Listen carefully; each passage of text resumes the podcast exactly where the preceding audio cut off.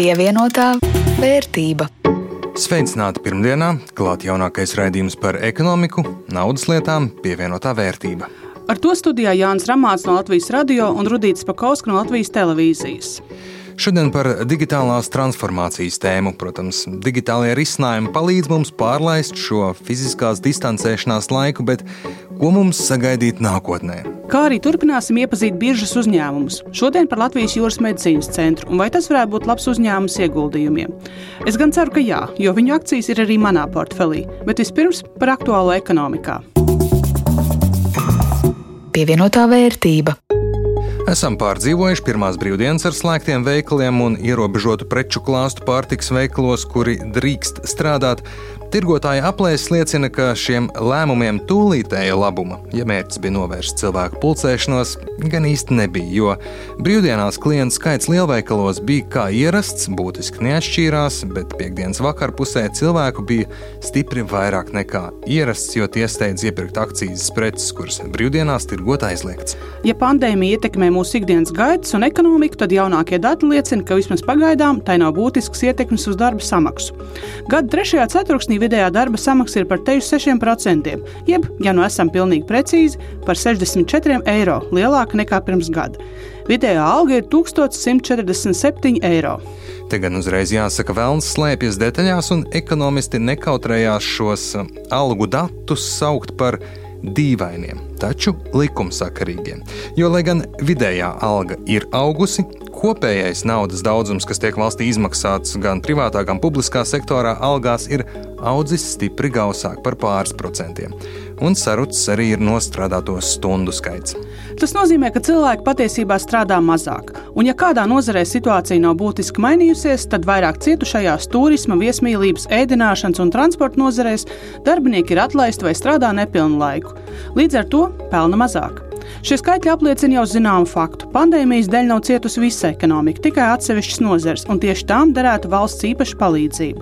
Par palīdzību runājot, pirmie dīkstāvus pabalsti un algu subsīdijas jau ir izmaksātas, tā ziņo valsts ieņēmuma dienests. Pēc 18 uzņēmumu iesniegumiem vidi ir izmaksājis 28 dīkstāvas pabalstus darbiniekiem, kopumā 7629 eiro apmērā, un 4 algu subsīdijas, kopumā 960 eiro vērtībā. Bet acīm redzot, ašākie, lai pieteiktos pabalstam, ir bijuši pašnodarbinātie. Pēc 55 pašnodarbināto personu iesniegumiem izmaksāta dīkstāvs pabalsti 15,479 eiro apmērā. Atbalstam par novembri var pieteikties līdz 15. decembrim, par decembri līdz 15. janvārim, bet par janvāri līdz 15. februārim. Jau pirmajās dienās valsts ieņēmuma dienas bija saņēmis 2400 pieteikumus pabalstam. Par spīti vai pateicoties krīzē, Latvijas iedzīvotāji savukārt turpina uzkrāt naudu. Noguldījuma apjoms Latvijas bankā šā gada 3. ceturksnī salīdzinājumā ar iepriekšējo ceturksni palielinājies par 2% un sasniedzis 17,74 miljārdus eiro. Tā ir lielākā vērtība pēdējo divu gadu laikā. Savukārt gadu laikā Komercbanku piesaistīto noguldījumu apjoms palielinājies par 7%, jeb 1,19 miljārdiem eiro un lielākā daļa no tiem ir privātpersonu nauda. Privātpersonas savus uzkrājumus ir palielinājušas par teju miljardu eiro. Te gan jāpiebilst, lai gan kopējie cilvēku uzkrājumi iet augšup, banku eksperti norāda, ka joprojām tos Latvijā var atļauties veidot pārsvarā bagātākā sabiedrības daļa. Viņi vienkārši uzkrāja vairāk, neiztērē dārgā izklaidē un ceļojumos. Savukārt tie, kuri dzīvo no rokas mutē, savu drošības spilveni nav spējīgi izveidot.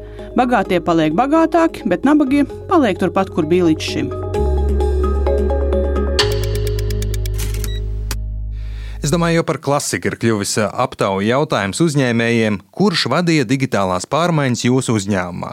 Izpilddirektors, valdes priekšsēdētājs, atbildīgais par informācijas tehnoloģijām vai vīrusu Covid-19. Un domāju, vairākuma atbilde šeit ir skaidra. Piespiedu kārtā visi bijām spiesti mainīties, tas jau ir fakts. Bet kāds no tā visa tagad ir rezultāts? Ir labāk, ir sliktāk vai vienkārši digitālāk?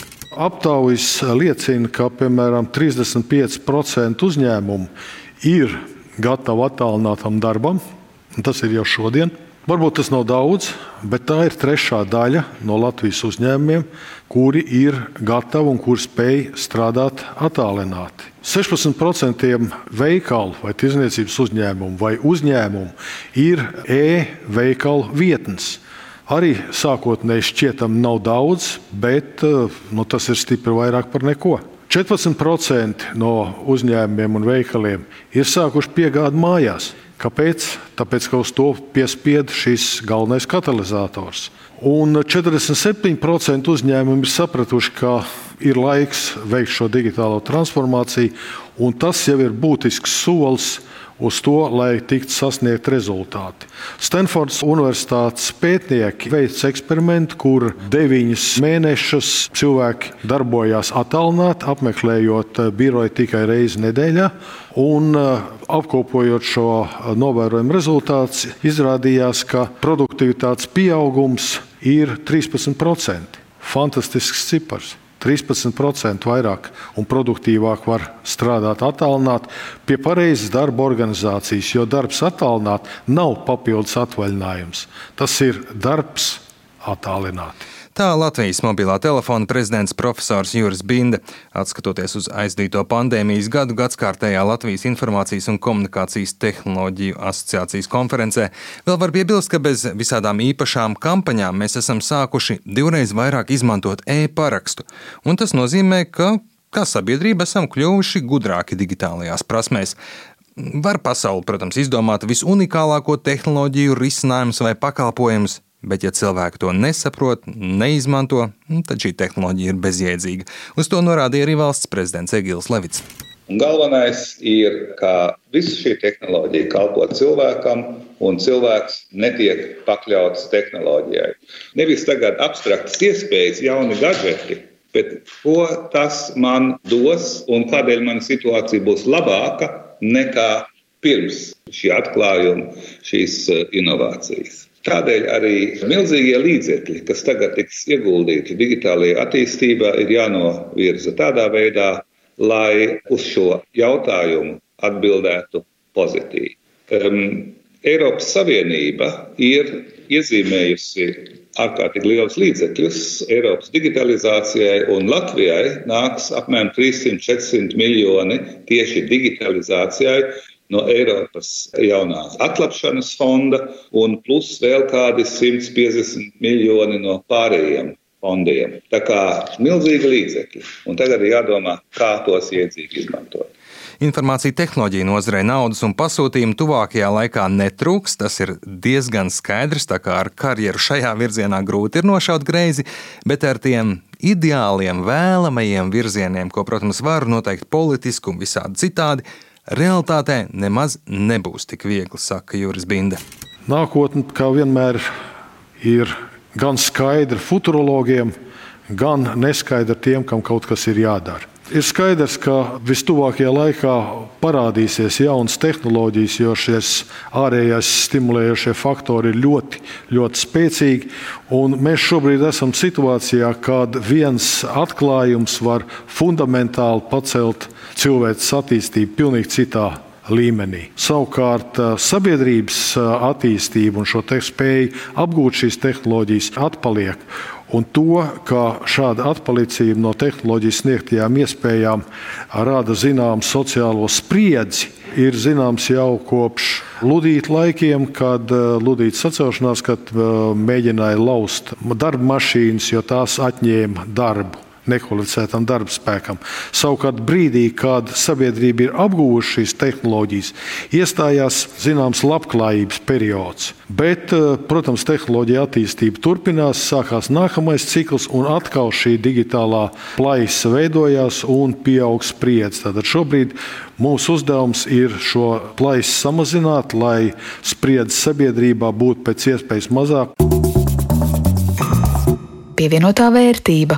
Bet raidījuma otrajā daļā jau tradicionāli pievēršamies Baltijas akciju tirgumu, kura dalībnieki esam arī mēs ar Rudītu sparot savus pirmos soļus akciju tirgu kā investori. Baltijas biržās lielākais apgrozījums aizvadītajā nedēļā ir ar Lietuvas bankas Šauļu bankas akcijām. Ar Šauļu bankas akcijām veikta darījumi par gandrīz 3,8 miljoniem eiro, un uzņēmuma akciju cena nedēļas laikā palielinājās par gandrīz 10%. Par to man prieks, jo šī uzņēmuma akcijas pieder arī man. Otrajā vietā pēc apgrozījuma šonadēļ darījuma ar Lietuvas energokoncerna Ignitis grupu akcijām. Pirkti un pārdoti 2 miljonu eiro vērtībā, akciju cena gan būtiski nemainījās. Savukārt trešajā vietā tirzniecība ar Igaunijas prāmi satiksmes uzņēmuma Tallinn grupu akcijām šī uzņēmuma akcijas Cena nedēļas laikā kāpa par teju 10%, par ko savukārt prieks man un manam akciju portfelim. No Latvijas uzņēmumiem vislielākais apgrozījums ar zāļu ražošanas uzņēmumu Olenfarm akcijām tā vērtība akciju vērtība gan būtiski nemainījās. Bet šodien pastāstīsim vairāk par akciju sabiedrību Latvijas jūras medicīnas centrs, kurš ir viens no Nasdaq Rīga vecākajiem dalībniekiem. Sarakstā atrodas jau 22 gadus kopš brīža, kad uzņēmuma kolektīvs izvēlējās iet privatizācijas ceļu. Es šī uzņēmuma akcijas iegādājos, jo pirmajā acu uzmetienā darbojas vilinošā aktuālā nozarē veselības aprūpē, pēdējos gadus strādā ar peļņu, maksā dividendes. Pievilcīgs, bet vairāk pastāstīs Linda Zalāna. 2019. gadā Latvijas jūras medicīnas centra apgrozījums bija 7,2 miljoni eiro un peļņa 164 tūkstoši eiro. Tā liecina auditētais finanšu pārskats. Šī gada finanšu rādītājs ietekmēs Covid-19 pandēmiju, jo pavasarī līdz ar valstī noteiktajiem ierobežojumiem uz diviem mēnešiem tika teju apturēta arī Latvijas jūras medicīnas centra darbība.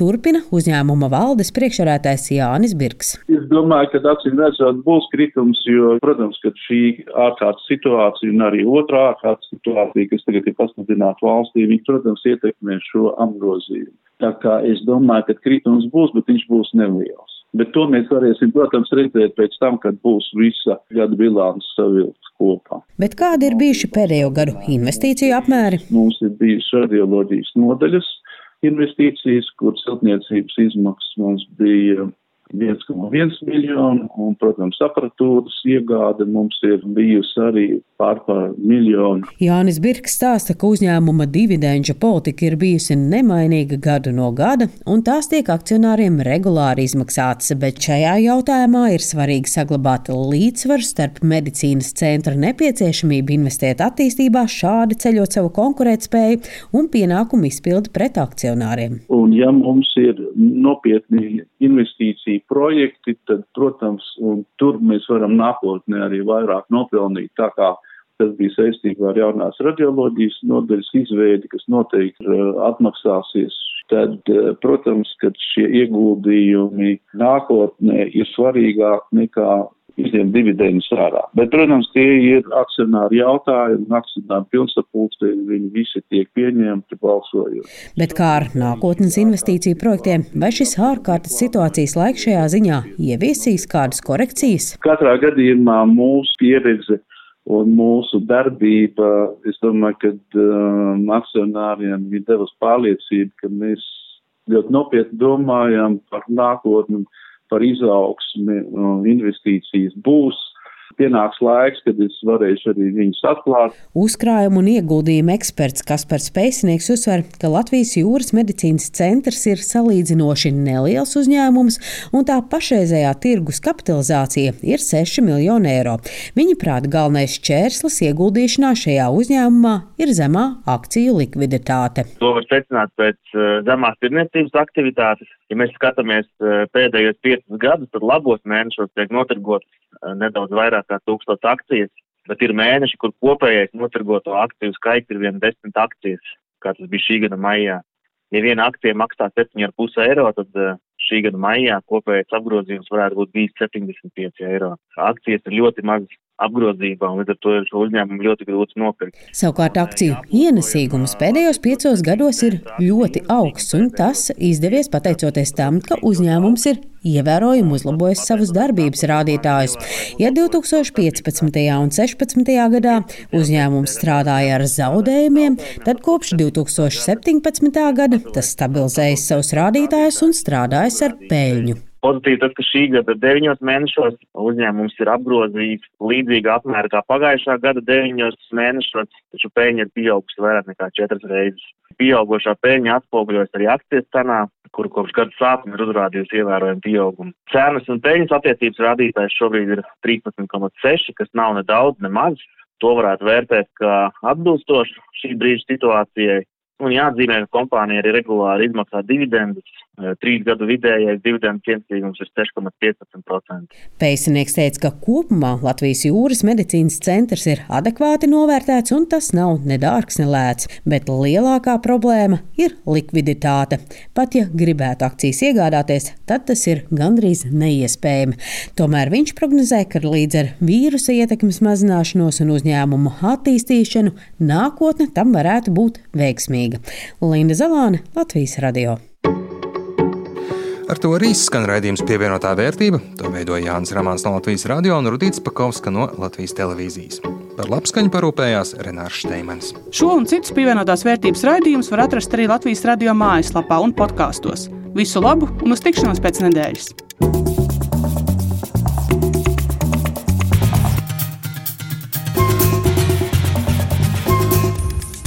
Pievienotā vērtība.